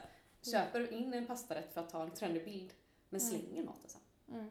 Det är så här, för, vad ger det för intryck till Mm. då kanske unga personer? Ah, att man ska beställa in mat och, slänga den. Mm. Eller ge bort den. Eller, Mm. Jag vet inte riktigt vad, vad det är som sker. Men, Ja. men hur tycker ni, vad, vad tycker ni triggar då? Vad tror ni triggar? Ehm, alltså... Ja. jag, alltså jag vet inte. Nej men typ att berätta bara, jag kräktes eh, tre gånger eller fem gånger När varje man dag. ger Liksom. tips. Ja, alltså men när man ger de här tipsen eller när Berätta liksom exakt så här gjorde jag, exakt så gjorde jag. Alltså så här, så gick det till, så gick det till, så gick det till. de... ehm, Gör folk det? Ja. Eh, och sen också typ... ehm, alltså först och så tycker jag att det borde vara en mindre trend med att gå ut på social media om att man har en ätstörning på det Mm. sättet. Eh, alltså att man skriver ett inlägg och bara skriver om sin ätstörning. För att igen då när alla gör det så blir det så här, det enda, det enda som jag känner, nu vet jag inte, eller så det kanske är lite taskigt att säga, men det enda jag känner att de får när de skriver ett sånt inlägg Mm. är att det enda de vill ha då är lite mer uppmärksamhet. Eh, om jag får vara helt ärlig. För att vilka är det de berättar för? Jo, det är det, deras fans. Mm. Det de ska influera dem med det är liksom att de har haft en ätstörning. Varför? Eller jag förstår mig inte riktigt på varför man ska berätta det för oss som bara följer det, som inte känner Mm. dem. Det finns inte jättestor mening med, eller förstår ni vad jag menar då? Alltså, så här, det kanske är bättre att ta hand om det först Mm. eh, och liksom lär dig att må bra innan du kanske går ut med att liksom, jag har en ätstörning. Mm. Eh, eller sen så säger de ju ofta så här, nu mår jag bra. Men så, så, det är ändå så här, på något sätt så märker man också så här, varför, eller jag förstår mig inte. Blir det kanske lite att man har blivit då en så kallad till exempel influencer eller fått framgång tack vare en ätstörning och Mm. inte trots Precis. en ätstörning? Precis. Alltså så här, man- man kan ju kanske lyckas i livet att ta sig ifrån en ätstörning Ja. men att det kanske blir intrycket av att tack vare min Ja, ätstörning. Precis. Verkligen. Och då, det är lite det som jag bara så här, Mm. inte riktigt förstår mig på. Mm. Men till de som kanske känner sig träffade nu, säger Mm. vi. Eh, vad tycker ni att man kan göra annorlunda då för att ändra på den här trenden? Mm. Har ni några tips? Ehm, igen då, lär dig vad det är du skriver. Alltså, Du menar influencers då? Ja men, nej, men alltså den här äh, romantiseringen av ätstörning som vi har pratat om lite. mm. Att för att unga inte ska vara så här: wow, ätstörning är det, är det man ska ha. Mm. Hur kan vi ändra på den trenden för att folk, unga personer ska förstå att så här, eh, innan det är för sent liksom. Mm. Ska inte romantisera det. Kanske inte, man kanske inte har något konkret tips på det. Alltså, jag har ingen aning. det är men... Alltså. Ja, det, det är ju svårt att säga liksom till någon som... Ja, alltså, ja. Den här trenden av att vara, den här smala kroppen som alltid har varit en trend. mm. Va, va, va, ja, det är i och för sig här jäkligt svårt för oss tre att sitta här och bara, Ja. nu ska vi ta bort den trenden. Ja, precis. Så, eh, det är ett samhällsproblem. Ja. Men jag menar så här, jag vet, egentligen när man tänker efter så är det, det är så skevt att det är en trend att gå emot sina fysiska behov. Mm. Mm. Alltså som människa, Men bara att ja. leva, andas, äta, det är så här trendigt. Ja. Det, det är bara skevt. Ja. Och det kanske är svårt för oss såklart att, att eh, vända på det. Mm. Men eh, Men det är alltså... ehm, man behöver inte alltid... Jag vet inte. Alltså det ska, de enda som... Fast det är också så svårt för nu kommer jag tänkte jag säga så här, de enda som visar sig i bikini är jättesmala människor men det är ju för att det är inte um, um, rätt i vårt samhälle eller så här, det är inte normaliserat att, ett, att en kvinna med mer kurvor eller mer fett eller vad som helst uh, ska lägga ut en bikinibild för att det kommer, alltså det är inte liksom något som folk tycker är så här eh, influencervärdigt. Typ. Ja. just det. Så det är också lite det, det är så här okej, För alla influencers är ju så här. De är smala för att de som är smala blir influencers. Mm. Eller alla blir inte det men jag menar så här, det är lite det som är grejen. Mm. Och att bara ändra på det att typ jag skulle bara lägga ut en bild när jag sitter och har liksom tre rullar på magen kanske inte kommer tas upp på liksom det mest positiva sättet. Eller så gör det det. Det är också lite så här, men Och varför ska man ens behöva, jag tänker, varför ska man ens behöva lägga fokus på kroppen? Mm. Det, det kan jag tänka på lite så här. antingen så kanske det är en, en så här normativt jättesmal tjej Mm. eh, eller mager till och med som står och, och posar i bikini. Mm. Eller så ska det också vara det här motsatta, så här, kroppsaktivist. Ja. Kroppspos- och kropps, och då blir, jag kan bli lite så här väldigt uh, vilsen i det här för att jag varför ska det ens vara fokus? Varför ska man Precis. behöva typ ja. om man till exempel har varit sjuk anorexia eh, och fortfarande vill typ vara en influencer, säger vi. Då tycker jag att det blir lite konstigt att man ska behöva gå till att vara en så kallad kroppsaktivist. För då blir det återigen det här fokuset på kroppen. Mm. Och så här, man får likes för att man vågar sätta Ja. sig naken framför spegeln. ja. Eh, och jag kan, bli lite, jag kan bli, känna mig lite kvävd i det på något sätt för att jag vill inte ha det fokuset på kroppen. Nej. Jag vill inte ens ha kommentarer på kroppen Nej. Överhuvudtaget. Men det, det är lite det jag menar. Det är liksom så här, eller inte jag menar, jag menar så, så jag känner alltså att Ja. varför, va, alltså Men det är så mycket fokus på just liksom eh, ja, men kroppen som du säger. Alltså så här, eh, antingen så är det så här att liksom någon som står där med den här figuren som är ide- idealet. Då är det antingen det här man ser eller så är det det här ni ska vara nöjda Motsatta. över era rullar. Liksom. Så- så- Alltså, sådana grejer. Det är Eh, det. Kan då- man inte bara få vara? Ja, Mm. precis. Och då är, då är hela deras feed på Instagram bara liksom såna bilder när de liksom så här. står ju till och med kroppsaktivist. Ja, Mm. och, så, och så är det så här, man ser ju också att de sitter liksom hukade så att det ska komma fram. Så, alltså, inte, Ja, och då, då tycker jag lite så här.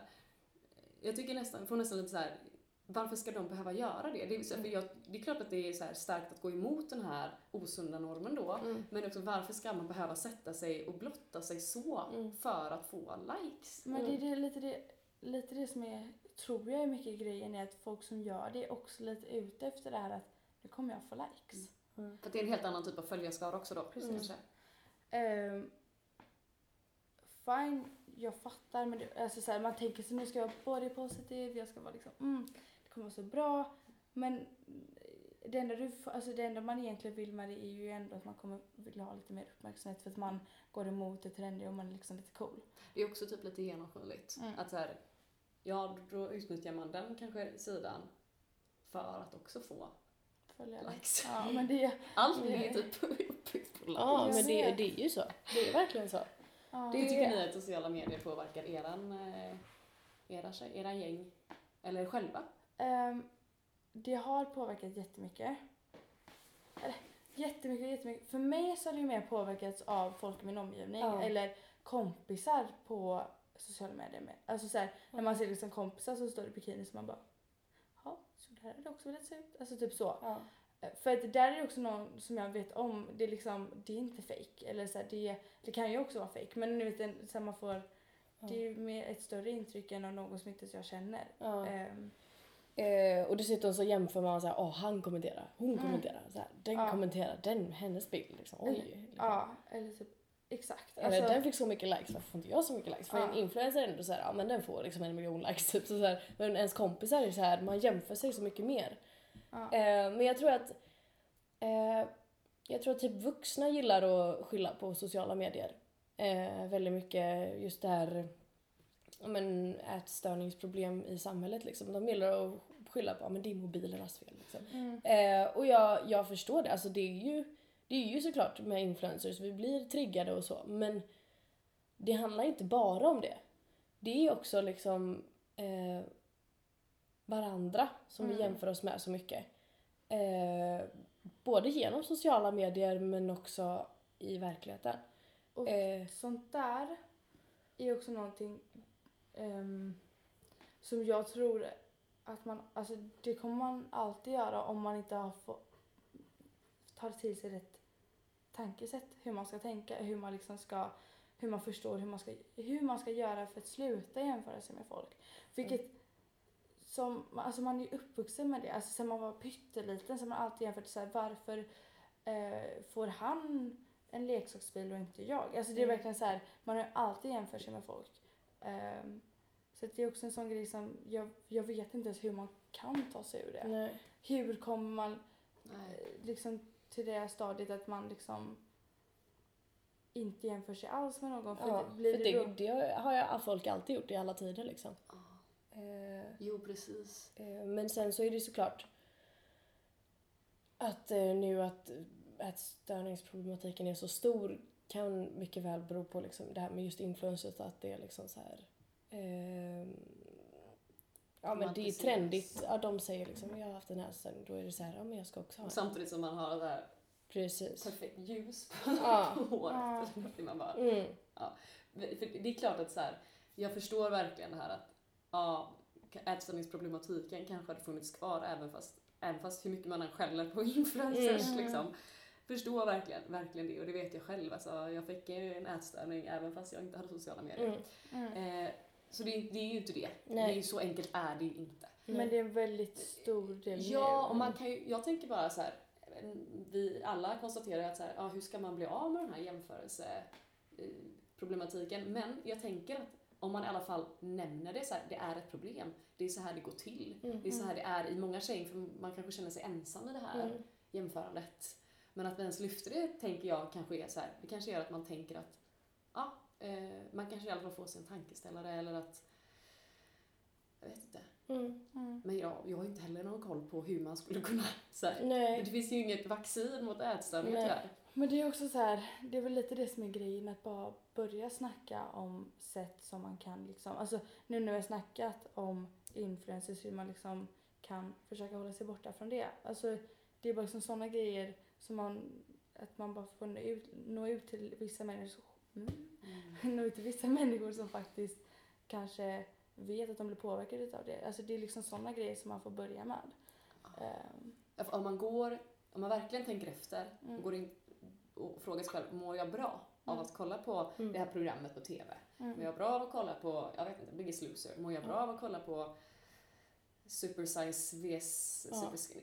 Nej, det mår jag inte bra av. Va, men vad ger det mig överhuvudtaget? det mig? Ja. Ja. Så att man kanske måste så här tidigt välja bort det. Mm. Här, slå inte på TVn när det här är på, typ. Mm. I don't know. Men eh, eh, vad, har- vad, har ni för, eh, vad har ni för relation till, till mat själva? Känns, har ni bra Um, jag har nog alltid haft en alltså, relativt, alltså så här, aldrig haft så här jobbig tanke med mat förrän typ, mm, alltså först var det väl, det var klart att det var lite svårt när alla började få ätstörningar och sånt. Um, men jag tror aldrig att jag riktigt förstod mig på varför folk fick det för jag, alltså i mitt huvud, jag var så fokuserad på att uh, andra skulle må bra. Alltså jag var så fokuserad på att så här, och varför mår du dåligt? Du är så vacker och fin och bla bla bla. Eh, men sen när folk började ta hjälp så var det verkligen så då började jag fokusera på mig själv. Att jag började säga okej nu. Eh, och så började jag märka okej. oj, usch vad jag är ful och äcklig jämfört med dem för de är ju smala. Alltså så. Och det var liksom för typ ett halvår sedan som jag började alltså bygga på liksom en ätstörning och så. Fast samtidigt så har jag alltid haft ganska så här um, Alltså först och främst har jag en väldigt god relation med min mamma. Så att jag på en gång typ började min mamma märka att det var något fel. Att jag liksom eh, slutade äta. Att jag liksom var alltid ledsen och dyster. För, och sen alltid, alltså hon märkte några gånger att jag hade gått iväg och spytt på toan och sånt. Ehm, så det var ganska fort. Så, så för mig så har det ändå varit så här ganska snabbt eh, kommit tillbaka och liksom fattat. Men egentligen så har det också skett nu för att min bror och min syster har gått ner ganska mycket vikt. Eh, min bror har gjort värs, värsta liksom ehm, förändringen både för att han har kommit in i puberteten och för att han var väldigt, väldigt överviktig innan och han behövde gå ner i vikt. Så att då fick han ett kostschema och sånt. Han är min tvillingbror så att vi är i samma eh, klass och sånt. Vilket har gjort att jag har verkligen följt med honom från dag ett. Alltså så här, han gick till gymmet innan skolan och helt ärligt, jag har inte pratat så mycket med honom om det men jag tror att han fick en ätstörning också för jag märkte det på honom- att han inte åt och han liksom ehm, Alltså det gick från att han åt typ tre hamburgare på, till lunch till att han åt en liten sallad. Alltså det var verkligen så här en stor förändring. Eh, och sen så var min syrra borta i fyra månader eh, och eh, tog hand om barn och åt jättenyttigt då i Australien. Kom hem och hade också gått ner jättemycket vikt. innan, och då var det liksom innan så var jag alltid den som var typ minst i familjen till att jag var en av de större. Så att där var det också en grej att jag föll ner i det igen och blev, alltså så här, mådde väl ganska dåligt. Men eh, sånt där går upp och ner för mig hela tiden och jag tror ändå att jag har en relativt god relation till mat om jag ska vara Mm. helt ärlig. Det låter som att du har haft mycket ätstörningsproblematik runt omkring dig Ja, som kanske har triggat men dig precis. Det, själv även fast du var starkare själv från början. ja, men det är lite det jag tror, jag tror jag känner att så här, först och främst också för att jag har hjälpt många att komma ur det har jag också så här, fått eh, har jag erfarenhet om hur man ska ta sig ur det också. Eller så här, Mm. hur, vilket, hur jag ska tänka. Eh, så att jag kommer, alltså det är ändå för mig ganska lätt att en dag bara vakna upp och bara vad håller jag på med? Alltså lite så. Um, men uh, ja, jag vet inte. Det, alltså Mm. det är klart att jag har blivit påverkad väldigt mycket uh, runt omkring mig utav det och liksom um, så att det är klart att några dagar så bara känner man så här, nej nu jag klarar inte av detta men jag vill liksom ja men alltså jag det här är någonting jag vill jobba med. Jag vill liksom sträva efter att andra ska må bra. Jag vill jobba med folk som har ätstörningar, liksom hjälpa dem och sånt. Så att på ett sätt är det också så här. Ja, alltså jag har en bra, en god relation till mat. Jag, alltså så här, jag känner det i alla fall. Mm. Ja. Mm. Så, Hur mår du? Hur mår du? Alltså, ja. Eh, jag har väl alltid haft, alltid, men alltså haft en ganska osund relation till mat. Eh, klankat ner mycket på mig själv och jämfört mig mycket med andra. Eh, ja, men som jag sa, att det har blivit liksom en tävling liksom hela tiden. Och, eh, det gick, gjorde ju att jag hamnade ner i den här gruppen som alla andra också hamnade i. Eh, och eh, ja, det, det var liksom... eh, ja, men att jag vet inte hur jag ska förklara, men det är så här... Det har ju liksom gjort att jag har hatat mig själv. Eh, alltså mat. Och att jag har hatat mat. Det är ju så skevt att säga, men... eh, För det är liksom någonting man behöver.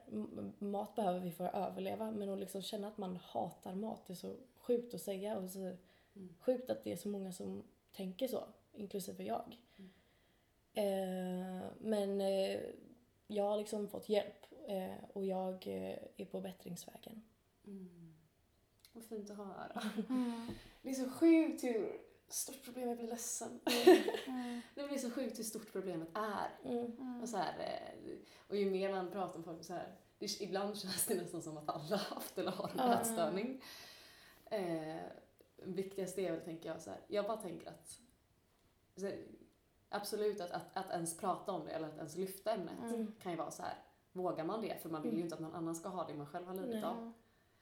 Men, eh, men heller så tänker jag att det kanske är sämre att vara helt tyst och bara låta det vara som att Mm. ingenting har hänt. Mm. För då, då, då finns det ingen kunskap och då kan ju inte de här kuratorerna ta till sig kunskap.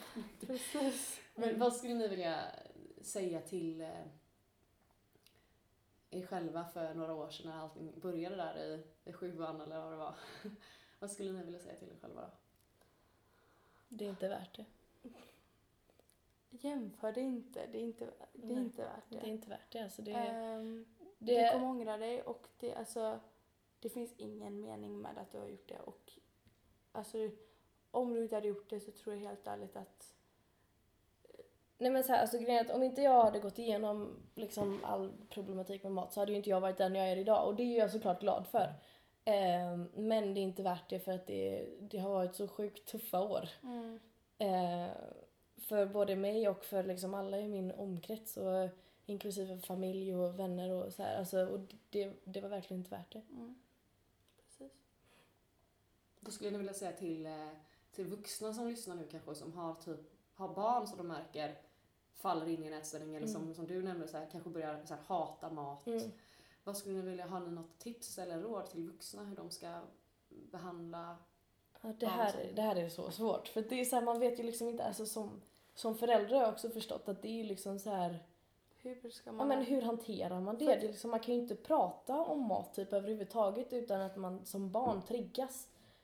Eh, Eh, Först och främst alltså så här, om man inte vet om sitt barn har det eller inte så det, gäller det bara att vara uppmärksam med det. Men samt, alltså, det är verkligen så svårt för samtidigt kan man inte heller snacka om det, du kan inte fråga. Alltså så här, nej, men, kan- ja, men om du- tycker... Ja, om du frågar om du frågar ditt barn äter du så kan det också vara en, alltså, Mm. någonting som triggar personen att eh, jag vet inte, alltså så här, Mm. alltså allting kan vara liksom olika saker trigg, triggar olika, I olika människor. faser också. Ja, precis. Så att vissa saker triggar vissa människor. Ehm, Men Så vikt, känns- alltså, något som jag tycker är viktigt är inte som förälder, för, förälder, förälder eh, ja, men typ kommentera utseendet.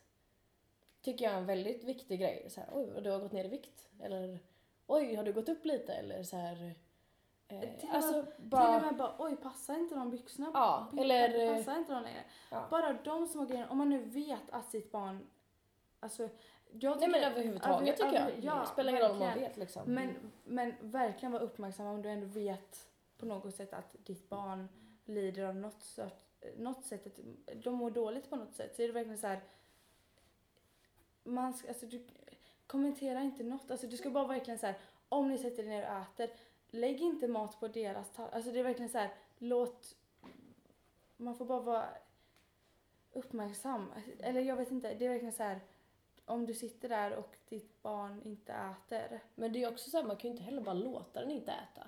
Nej. Det är Eh, jättesvårt att ja. lämna det där. Eh, men, Men jag tror också, eller för mig har det varit mycket så här små kommentarer, inte bara från liksom föräldrar men från alla som har liksom blivit så här droppe på droppe har fyllt ett glas liksom. Mm. Och eh, alltså en droppe är ju sista droppen liksom. Eh, kan vara sista droppen. Ja, det jag gjorde så för att det var väldigt fin, Ja, fin, ja, bara, fin, fin metafor. Ja. Mm. ja. Eh, verkligen fin. Eh, en, en droppe kan vara sista droppen. Mm. Ja, för det är ju det som är grejen, man kan inte bara säga att det är influencernas fel. Nej. Eller Ja. det är mammas fel. Nej, eller så här, precis. det, det är ju verkligen mycket mer komplext än så. Mhm. Men sådana här små saker som också typ alla nämner som är med här, eller som jag själv Mm. också tycker så här att jag tror vi bara ska banga kommentera överhuvudtaget. Mm. Verkligen. Precis. Alltså så här, även fast någon har gått ner i vikt och någon, och någon tycker att ah, vad fin den personen har blivit. Ja, man, man har inte mandat att säga det. Nej. För att den, den här kommentaren om att vad fint att du har gått ner i vikt, det kan ju trigga Ja. och kan göra att man bara ah, då ska jag gå ner ännu mer. Ja. Och som till slut kan leda till att man kanske då till och med blir jättesjuk eller att det leder till hetsätning. Det kan Mm. leda till hur många ätstörningar som helst Mhm. i framtiden. Och så att ja, om många lär sig att, att man inte kommenterar alls då kanske de här dropp, det här glaset inte behöver bli fyllt Nej, droppar. precis.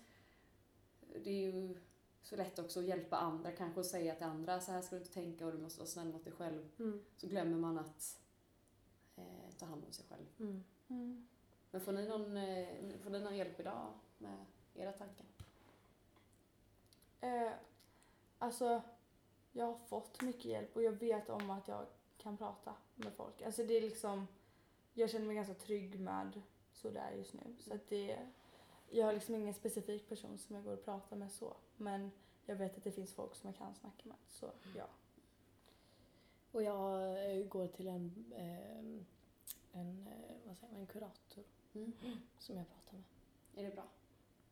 Det tycker jag. Vad tycker du har hjälpt mest? Eller om får fråga. Eh, att sluta prata med folk, alltså mina kompisar. Ja. Det var det som hjälpte Mm. mest.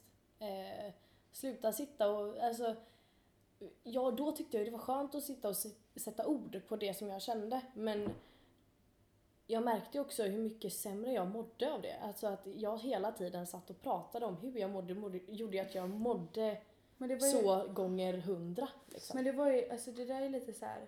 det är ju som att när man snackar om det för mycket så är det verkligen, du, alltså det är som att du övertänker, eller det blir liksom en större bubbla Mm. ju mer du pratar om det. För det börjar med att okej jag mår dåligt, Mm.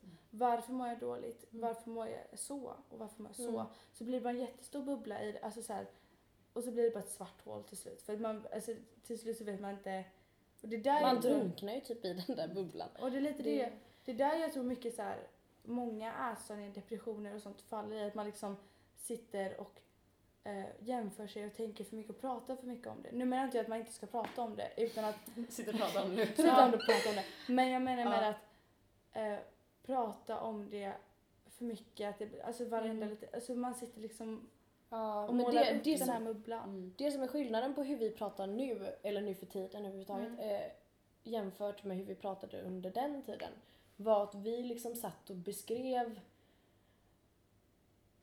alltså varenda liten grej vi kände. Eh, Mm.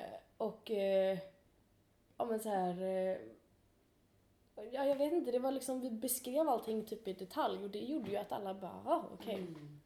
då ska jag också ta till den där Mm. detaljen. Då tar jag också till den detaljen. Liksom. Mm. Mm.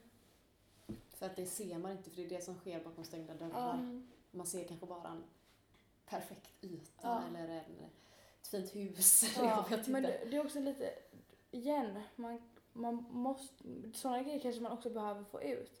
Men då är det också, även fast det är svårt att ta tag i det själv, men det är också så här, för om någon snackar med någon som kanske känner samma, jag kommer inte kunna hjälpa Nej. dig. För det enda jag kommer göra är att sitta, jag känner exakt. Ja, precis. Men, och det kommer göra Och det att kommer trigga mig ännu för mer då att kommer känner bara, men jag mår ännu sämre. Ja. Alltså, så kommer det vara. Så att hellre, alltså då är det bättre att man pratar med någon som faktiskt kan få det att känna det bättre. Att Ja. så här, Någon som är professionell liksom. som, Ja. ja. som vet liksom vad de ska, alltså hur, hur du ska göra, hur du... Ja, och då, någon som liksom vet hur man hanterar Ja. En ätstörning för det vet ju inte någon av oss egentligen. Alltså vi, vi lär ju oss bara Vi av har ju, erfarenhet. har ju problem med det då Ja, kanske. Så precis. då behöver man ju kanske, ja, då ja, det är ju det. Och, och, ja, för mig har det också hjälpt så sjukt mycket att, eh, att in, för ibland kan man ju känna en tröst i att så här, ja, jag är inte ensam. Nej. Eh, du har också haft det här. Eller, alltså Mm. förr när man grävde ner sig i sånt. Jag minns också när jag gick på högstadiet, då hade jag några kompisar som man, det var ju bara, bara prat om Mm. ätstörning och hur man bantade eller hur man inte bantade eller hur man Mm. Alltså så här, det var ju verkligen typ bara det. Men att, att välja att aktivt inte prata om det med de personerna eh, gjorde det jättemycket enklare. För man Mm. blev så, jag, blev bara, jag blev bara triggad och Ja. även fast man inte blev triggad på det sättet att eh, att man kanske tog åt sig tips längre eller så, så blev jag ändå triggad att man kanske kände sig mer sjuk. Mm. Alltså så här, om någon bara såhär, du är sjukare än vad jag eller du är Mm. sjuk. Det blir, det blir bara en så här ond cirkel i Verkligen. sjukdom. Ja. Att ta ett kliv ut i det Mm. friska livet. Mm. Ja, men alltså tack så jättemycket för att ni ville vara med.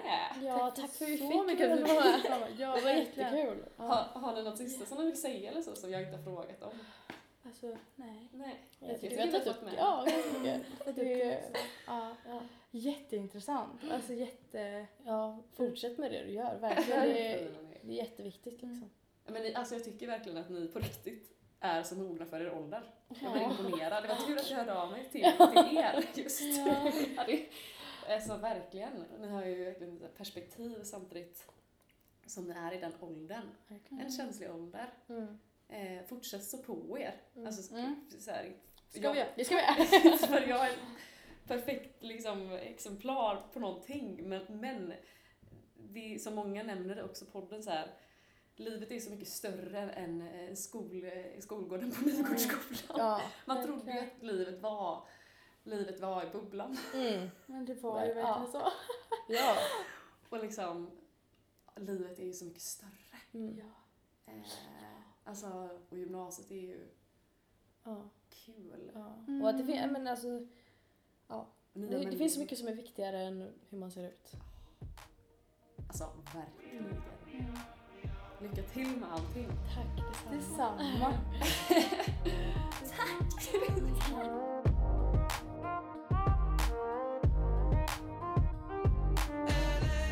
Hej igen! Hej till alla ni som är 16 år och som ska börja gymnasiet nu. Hej igen Ester och Julia. Livet är så mycket större än vad ni många gånger kanske tänker. Ni har så mycket kapacitet. Ni är så starka. Ni har så mycket livserfarenhet men ändå så har ni hela livet framför er. Ni är mina förebilder. Jag ser verkligen upp till er. Tack för att ni påminner mig om att livet är så stort och så vackert. Ni får mig att öppna ögonen. Tack för att jag fick prata med er. Tack för att ni var så öppna och transparenta. Tack för att ni var ärliga. Ni är verkligen mina förebilder och jag önskar att jag kunde se saker med era ögon när jag var lika gammal som ni är nu.